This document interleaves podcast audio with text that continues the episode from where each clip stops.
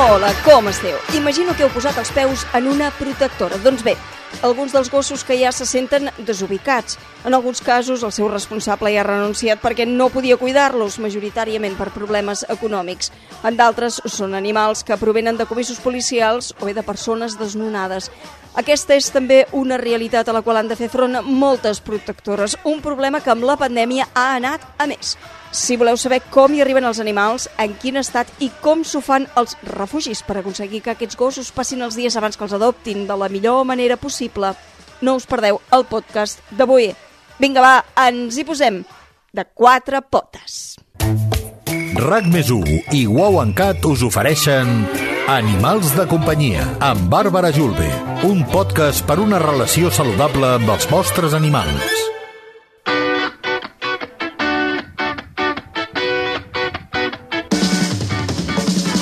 Comencem, anirem a la protectora de Mataró per conèixer de ben a prop aquesta situació. Ens acompanyarà la seva presidenta, Sílvia Serra. Amb Susana Estallo, veterinària de la protectora, sabrem els efectes d'aquesta desubicació que pateixen els animals, que a vegades també hi arriben desnutrits i maltractats. En el capítol d'avui ens endinsarem en els beneficis de la fisioteràpia amb la fisioterapeuta canina i felina Montserrat Roca i el va d'animals coneixerem la lloba de cota de l'il·lustrador i actor doble professional de Johnny Depp, Bernat Costafaura. Bàrbara, què fas aquí al costat de l'estudi durant el món RQ?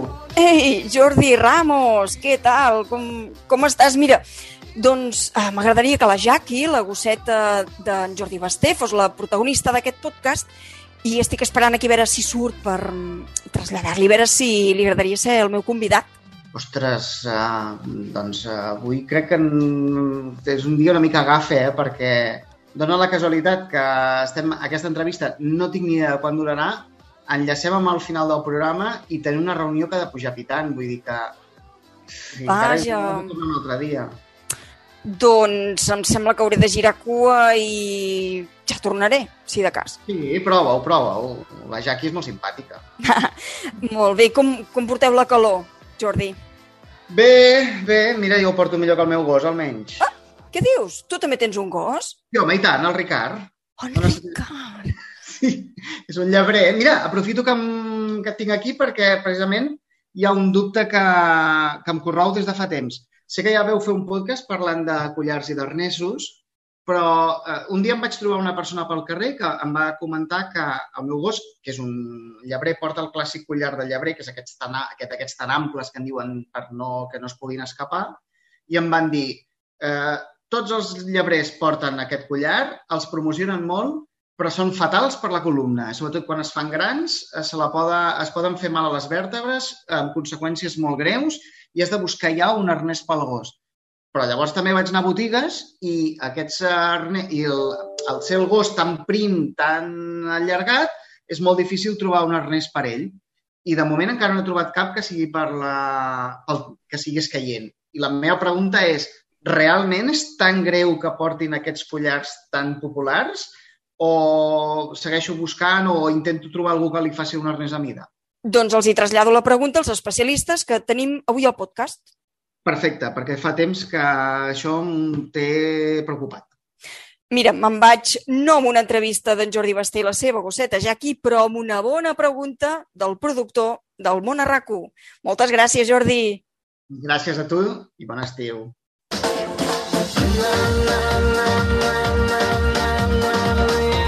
A les protectores hi ha gossos i gats. Alguns són trobats, d'altres abandonats, n'hi ha que provenen de comissos per maltractaments, de renúncies dels seus responsables, de persones que són vulnerables i no se'n poden fer càrrec. Està amb nosaltres la presidenta de la protectora de Mataró, Sílvia Serra, per parlar d'aquesta realitat que afecta espais com aquests. Sílvia, què tal? Benvinguda. Bé, estem bé. Moltes gràcies per convidar-nos. Sílvia, parla'ns eh, d'això que esteu vivint, no?, en protectores com la de Mataró. Quants gossos i gats, per exemple, hi ha actualment en el vostre centre? I per fer-nos una idea, quants d'aquests, doncs mira, no podeu donar en adopció fins que un, un jutge resolgui el cas o, o bé les persones resolguin els seus problemes? Hi ha uns 150 animals, un centenar de gossos i 50 gats, i d'aquests 150, un 20% podríem dir que estan bloquejats per diversos motius. Per tant, estem parlant d'un 20%. Això, a, a nivell de gestió, com, com us afecta? complicat perquè aquests animals omplen espais, omplen, omplen gàbies i normalment el, el, la problemàtica aquesta es genera per la lentitud de la burocràcia de l'administració pública. Eh, no són massa àgils en aquests temes.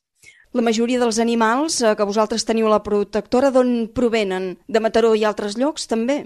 25 ajuntaments. Nosaltres eh, fem servei a 25 ajuntaments. Zona Barcelonès, Baix Llobregat, Maresme i Vallès. I hi ha ajuntaments importants, grans, com un Badalona, per exemple. Sílvia, amb la pandèmia, és, aquesta és una problemàtica que ha anat a més o ha anat a menys? A més. A més i a marxes forçades. O sigui, anem a marxes forçades, però a molt més estem notant moltes més sol·licituds per part dels ajuntaments de casos, sobretot de serveis socials, d'ajut a persones amb problemes econòmics i, molt important, problemes de desnonaments i manca de vivenda. Gent que s'està quedant sense vivendes o que tenen que marxar del lloc on viuen. Hi ha una altra realitat, no?, que són els animals que procedeixen de, de casos en què els seus responsables pateixen la síndrome de, de Noé. Actualment en teniu algun d'aquest cas en el vostre refugi? Sí.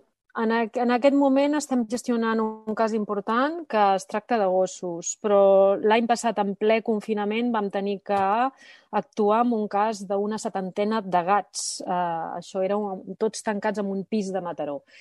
I ara també eh, ens està passant a Mataró el cas d'una persona que té una trentena de gossos i en molt mal estat. Això és una problemàtica que agreuja a, a tot el que ja hem d'anar gestionant cada dia.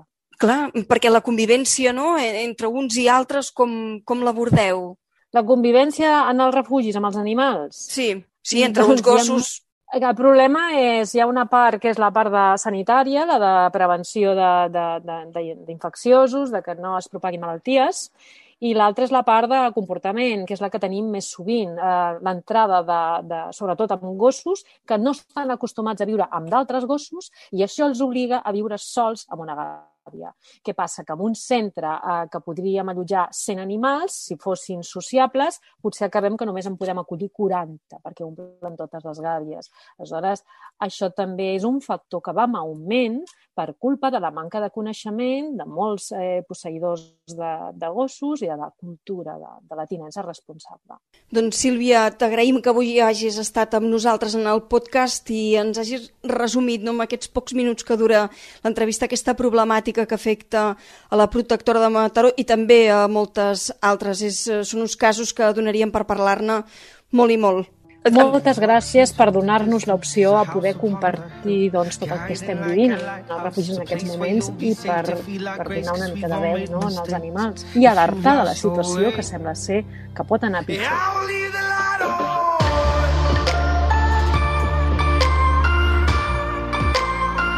I els animals desnonats o decomissats com arriben a les protectores? Quines problemàtiques tenen?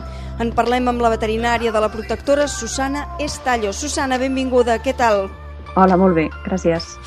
Susana, quin és el seu estat físic amb què arriben i sobretot emocional aquests animals a les protectores? Doncs mira, és important eh, diferenciar aquells que venen per decomissos, que normalment han patit o eh, maltractaments o senzillament no han estat eh, ben cuidats, desatesos, i els que venen de situacions familiars on no es poden fer càrrec per temes econòmics, de salut, etc. Els primers que han patit maltractaments, evidentment, arriben en condicions físiques eh, precàries i amb un estat emocional que moltes vegades doncs, deriva en, en estrès, en, en agressivitat, etc. I els que venen eh, més que reubicats de famílies eh, que sí que els volen i que han sigut ben atesos, no es fa una reubicació, es fa una desubicació de l'animal. I aquests animals sí que pateixen eh, doncs, un estat d'ansietat important que repercuteix directament en l'estat de salut. I com es gestiona això? Com, com es fa que aquest procés d'adaptació sigui més lleu no, en aquesta nova realitat? Doncs mira, la nostra prioritat sempre és tornar-los a, a reubicar en un entorn eh, que bueno, sigui el més semblant a una llar. Eh, evidentment, mentre estan en aquest impàs dins de la nostra protectora, eh, bueno, les eines és, eh, a nivell de salut, eh, donar la màxima cobertura possible i a nivell de comportament doncs, comptem amb uns cuidadors i amb un personal que intenta fer molt més fàcil eh, aquest eh, trànsit des d'on venen eh, fins que es poden acollir amb, un, amb, amb una nova llar o amb una persona que se n'ocupi d'ells. Susana, perquè els passejos, eh, com són eh, amb aquests animals? Són tranquils? Els feu d'una manera determinada? No són tranquils mai. Eh, el gos, eh, que és molt tranquil, no dona dificultat, però normalment sí que hem de tenir en compte que no ho fan amb una persona de referència. Fan aquests passejos amb gent que acaben de conèixer. Per tant, sí que hem de tenir cura de que no s'escapin. Eh, S'ha de ser molt curós. Precisament parlant de passejos, eh, hi ha arnesos per a gàlgols? És la pregunta que ens feia arribar l'oient del, del podcast d'aquesta setmana. En Jordi Ramos, què li diríem? Doncs mira, en aquests casos, com la por és que l'animal tiri massa, pugui escapar i això genera, eh, a través del, collarín, del collar que porten, genera una fricció constant, microtraumatismes, hi ha arnesos per tot tipus d'animals i per galgos en particular. És a dir, són arnesos que porten tres cintes, que es poden adaptar al cos del, del gos i que hi ha marques conegudes molt destinades a aquest tipus de races i les pot trobar sense cap mena de problema eh, online. Molt bé, Susana, doncs li traslladem. Cal tenir en compte que la protectora no és eh, la primera sortida per, per, per un gos. En el cas que sigui maltractat, sí, òbviament, però en els altres casos no, no ha de ser el primer de la llista. No ho és en cap cas i s'intenta evitar que passin molt de temps allà. Pensa que és eh, una agrupació d'animals, cadascú amb un caràcter diferent, eh, que han de conviure junts, amb espais reduïts, tot i que comptem amb quantitat de voluntaris que s'ocupen doncs, de fer-los el dia a dia molt més fàcil i feliç, però no és, no és el lloc ideal perquè un gos visqui la resta de la seva vida, en absolut. De tota manera, aquests animals que arriben s'acaben finalment rehabilitant físicament, imagino que la majoria sí, però a nivell de comportament, eh, quina és la seva evolució? Bueno, hi ha històries molt maques que comencen molt malament i acaben molt bé, afortunadament, i, evidentment, eh, la càrrega eh, emocional i els canvis eh, de comportament que pateixen al llarg de, de la seva vida deixen eh, seqüeles, ho hem de dir, no? Però eh, tenim la sort que la gent que acull aquests animals té aquesta informació, assumeix això i aprèn a gestionar-ho. No? I, finalment, eh, gran part dels animals que apareixen en la nostra protectora acaben tenint una nova llar. Doncs eh, gràcies, Susana Estallo, veterinària. Gràcies per fer-nos aquesta fotografia d'una realitat com aquesta, no?, que es viu a les protectores. Moltíssimes gràcies a vosaltres.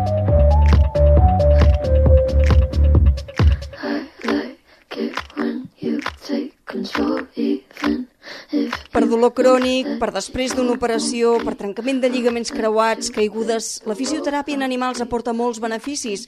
Sobretot, millora la qualitat de vida. En parlem amb Montserrat Roca, fisioterapeuta canina i felina a domicili. Montserrat, què tal? Com estàs? Hola, moltes gràcies, Bàrbara. Molt bé. Montserrat, en què consisteix aquest tipus de rehabilitació? Explica'ns. Doncs jo sempre, bueno, clar, faig el paral·lelisme amb l'humana, no? Tots coneixem doncs, la fisioteràpia amb, amb humans i, i que és molt necessària després d'una operació, ja quan som grans, amb, amb diverses patologies. Doncs amb els animals el mateix, ells també pateixen dolor crònic, també, per desgràcia, doncs, tenen patologies que se'ls ha d'intervenir i la fisioteràpia el que ens ajuda és a donar-li millor qualitat de vida. Amb ella podem controlar el dolor, recuperar musculatura, que l'animal sigui el més autònom possible, que és el que volem, no? que, que ells siguin feliços i, i que estiguin bé. Quin tipus de tractaments eh, feu? Doncs fem teràpies actives i passives. Dintre de les eh, passives són les que el terapeuta és el, el que fa l'acció i dintre d'aquí està, per exemple, l'electroestimulació, que si algú de vosaltres també l'han intervingut amb alguna cosa, doncs recordarà doncs, els, els electrodes que ens posen a sobre la pell, doncs amb ells el mateix. Hi ha una freqüència que controla molt bé el dolor i la, i la inflamació, que és el tens, i ens ajuda molt. Els hi fem massatge terapèutic, els hi posem fred, per exemple, quan hi ha una inflamació just després d'una de, cirurgia, o calor ja quan tenen dolor crònic, que és la termoteràpia, que també funciona molt bé, els hi fem estiraments, mobilitzacions, tot això ens ajuda molt a recuperar-lo. I després hi ha les teràpies actives, que són les que el, el pacient eh, fa amb l'ajuda del terapeuta. L'estrella de, de les teràpies, sobretot a l'estiu, és la hidroteràpia, que és el moviment que fa l'animal eh, controlat amb el terapeuta dins de l'aigua i això aporta molts beneficis, com igual que amb nosaltres també, que, que ens treu dolor, ens ajuda a recuperar mobilitat, dintre l'aigua no tenen no, evidentment no cauen, per exemple, si és un animal que l'acaben d'operar i no té encara tota l'autonomia. la, i la veritat és que mm, per animals geriàtrics, per exemple, milloren moltíssim, és, és un, un gran benefici si l'animal no, no té pànic a l'aigua, que normalment ja ho fem de manera gradual perquè, perquè s'acostumi. Com els humans, no? per exemple, si tenim dolor estem més nerviosos, potser més agressius, i un gos també, no? Podria ser que tingués uh, aquest dolor i que per això té aquest comportament reactiu. Sí, sí, sí, controlant el dolor hem vist molts animals que, que realment, clar, els pobres portaven molts anys amb un dolor crònic i a vegades agut, que això fa que, que evidentment, doncs, quan vas tu a acostar-s'hi a fer una carantonya, doncs, doncs que, que es pensi que, que li faràs mal i llavors abans, abans de, de, de, de que ja aparegui aquest dolor, doncs igual ja, ja t'avisa, no? O sigui que realment ens ajuda molt això, no? De que el que comentàvem, que tingui bona qualitat de vida i que l'animal estigui millor. I tu treballes a domicili, per tant, això aporta també molts uh, beneficis, no?, el fet de fer-ho a, a casa, perquè a vegades veus coses no, que fins i tot uh, poden ajudar no? en aquesta dinàmica de recuperació. Sí, sí. Clar, l'animal també, evidentment, està molt més tranquil en el seu ambient, doncs té el seu coixí on està descansant, no és tan invasiu no? doncs, com agafar-lo, pujar-lo al cotxe, portar-lo a un lloc, l'estrès, sent altres animals, unes olors que no són conegudes i, i el que comentaves, no? doncs, per exemple, molts terres són lliscants i a vegades no ens, no ens donem compte fins que l'animal doncs, comença a a patinar i, i es podria fer mal. Llavors, doncs, ens poden donar recomanacions, doncs això, com posar mitjonets antilliscants o algun tipus de catifa perquè l'animal doncs, doncs no patini. I sempre derivats uh, del veterinari, això sí, eh?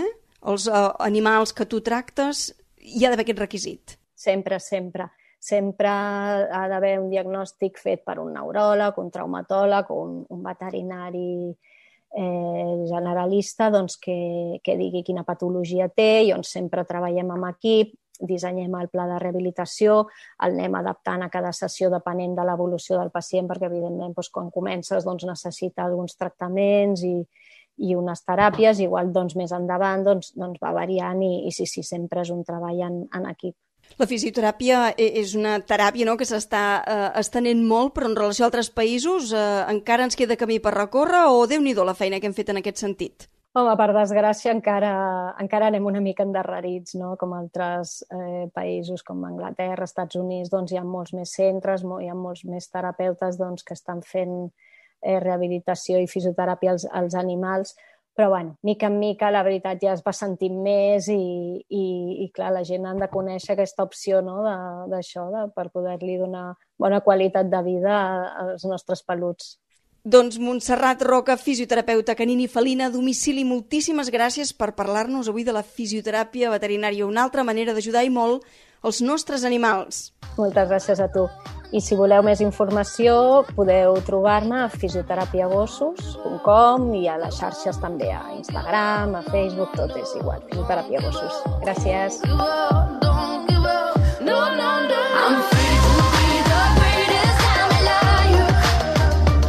Passen la nit a una muntanya, passegen per camins sense gaire ningú. Es banyen en una gorga o pugen dalt d'un cim. Són coses que podrien fer perfectament un gos i el seu responsable. Ara bé, qui les fa no és un gos, sinó la Dakota, una lloba, i en companyia del seu referent Bernat Costafaure, il·lustrador i actor. En Bernat, que avui tenim amb nosaltres per parlar de la seva lloba, compagina l'art del dibuix amb l'art de fer de doble professional de Johnny Depp. A més, és escriptor i editor. Bernat, què tal? Benvingut, com estàs? Hola, bones, què tal? Què tal, Bàrbara? Bernat, és ben curiós això. Tu tens una lloba, és una lloba de veritat? Sí, uh, quasi. És un 80% de, de lloba i uh, 20% de pastor alemany, però predomina, clar, evidentment, el llop. I el, la mescla que es va fer del gos llop txecoslovac a Itàlia va ser encara més pura, de línia més pura de llop. I quines diferències té amb, amb un gos, diguéssim, no? que cal tenir en compte? Que no és un gos, que, o sigui, que uh, no borda com un gos, uh, llavors no és eh, és molt silenciosa, eh, té un instint molt salvatge, per lo bo i per lo dolent. I has de tenir molta més paciència com un gos normal a l'uso, que se'n diu, no? Perquè és molt rebel i sempre vol manar, vol ser alfa, vol... i l'alfa sóc jo. Vull dir que, que ni s'ho pensi. I d'on va aparèixer? D'on va aparèixer? Me la van regalar per un rodatge que vam, vaig fer a Còrdoba i el, el noi que, del rodatge em va dir mira, no et puc pagar mm, tot el que em voldria pagar, però et puc regalar un cadell de llop. I jo, què vols? Mascle o femella? Femella. Jo m'agraden més les femelles. Mira. I llavors va arribar a casa teva, vas haver d'adaptar alguna cosa. Com van anar aquests primers dies? Uh, els primers dies van ser una bogeria, perquè, clar, aquest bitxo uh, caga, el seu, uh, eh, mossega tot. És, eh, jo tinc, tinc una labrador i la pobreta anava estressada perquè tot el rato l'estava mossegant la poteta, volia jugar amb ella. La labrador era ja juganera, però, ostres, fins a cert punt, no? Té una manera de jugar que no és massa eh, pacífica, perquè té unes, unes dents molt fines quan són petites, no? I déu nhi a mi em fot, fotre cada rascada que, que si no sóc un home llop ja, eh, ja no ho seré mai. Hem vist, no?, les fotografies que penges a Instagram, doncs això, que passeu la nit fora, que aneu a la muntanya, suposo que ella deu estar en el seu ambient. Sí, sí, sí, ara sempre procuro viure en zones aïllades perquè aquest animal requereix espai, requereix eh, moure's cada dia, fer quilòmetres i el que sigui, i, i que pugui sortir fora amb llibertat. Per tot i així l'he de, de treure estacada perquè hi ha veïns a prop, vulguis no, tant tant passa algú i es pot portar una sorpresa. No? A les persones no hi ha cap problema, però amb altres gossos sí que pot haver-hi problemes perquè ella ha estat atacada per gossos al ser, al fer olor de llop, crea una espècie de um, animadversió uh, cap a la resta de gossos i sobretot els gossos que són uh, d'instint pastor. Clar, és, és lògic també.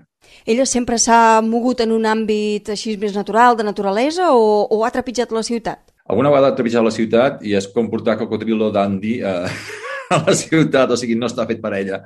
No, no, borda tot, a, a tot, a tot, tot el que veu. No, no, i, to, i tot el rato estira. La, la corretja no està acostumada a anar lligada. Jo procuro no lligar-la mai, ni, ni que portar collar. Sí que porta l'Excalibur no, al coll, però excepte això, res més. Miro que sigui lliure i, i salvatge, com m'agrada, com ha de ser. Clar que sí. Uh, I per acabar, Bernat, quin llibre o pel·lícula ens recomanaries uh, d'animals? Um, mira, pel·lícula Alfa, uh, perquè explica l'origen de, de quan el llop i l'home es van conèixer i és una història preciosa, molt ben feta, molt, amb, amb pocs recursos, però van aconseguir una fotografia boníssima i, i la, la història està molt ben narrada i, i Déu-n'hi-do, déu nhi déu eh? una pel·lícula que a mi em va, eh, com diríem, corprendre. Val? I, ostres, llibre, eh, El lobo estepario, no? Però no sé, eh, és que dedicada a animals, ostres, que... Eh, clar, t'anava a dir eh, El hombre que susurrava a los caballos, és que a mi em va, em va encantar aquest llibre. A mi ja sé que és un tòpic, el que vulguis, però aquest llibre m'agrada molt. I està sí. molt ben fet. Sí, sí. Arriba, arriba. I, per cert, no hem dit que com a il·lustrador has fet molts dibuixos, eh? Amb la Dakota, els podem veure també en el teu compte, compte d'Instagram. Sí, sí, sí. Uh, sempre que puc faig alguna, uh, com ha passat alguna anècdota o així, prefereixo explicar-la en format còmic, no? perquè és més fàcil d'explicar i, i ja que puc dibuixar faig servir uh, aquest recurs no? uh, narratiu. N'hi ha, ha una, per cert, que surt fumant, la Dakota. Sí, això ja és Photoshop, eh? La gent diu que fuma i que veu brandy. Sí, sí, és, és de tretes, la Dakota. Caram, caram, caram, aquesta lloba. Bernat Costa Faura, moltíssimes gràcies per acompanyar-nos avui en el podcast i parlar-nos de la Dakota, aquesta lloba tan especial.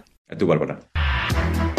Més de 5.000 clients ja confien en Wow and Cat. Menjar cuinat i cru per a gats i gossos podreu escollir entre 12 menús diferents segons les necessitats del vostre animal. Menús per cadells, per sèniors, per esterilitzats, per peluts amb al·lèrgies cutànies, una alimentació natural que els aportarà molts beneficis, pell més nodrida, pes estable, dentadura sana, reforç en les articulacions i en el sistema immunitari i digestió més favorable, pèl més brillant, entre d'altres.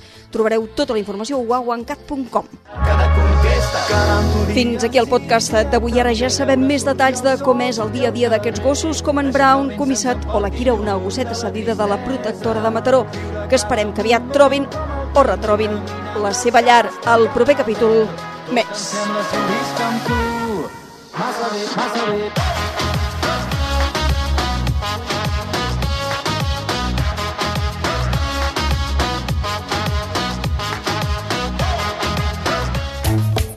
RAC més i Wow en Cat us ofereixen Animals de companyia amb Bàrbara Julve, un podcast per una relació saludable amb els vostres animals. T'imagines menjar sempre el mateix? Wow Cat és un concepte nou d'alimentació per a gossos i gats dissenyat per veterinaris i biòlegs. Cuinem perquè els nostres peluts mengin cada dia un plat diferent. Carn, peix, fruita, verdures... Al·lucinaràs com els hi agrada. Visita'ns a wowandcat.com i descobreix el real food dels guaus i els cats.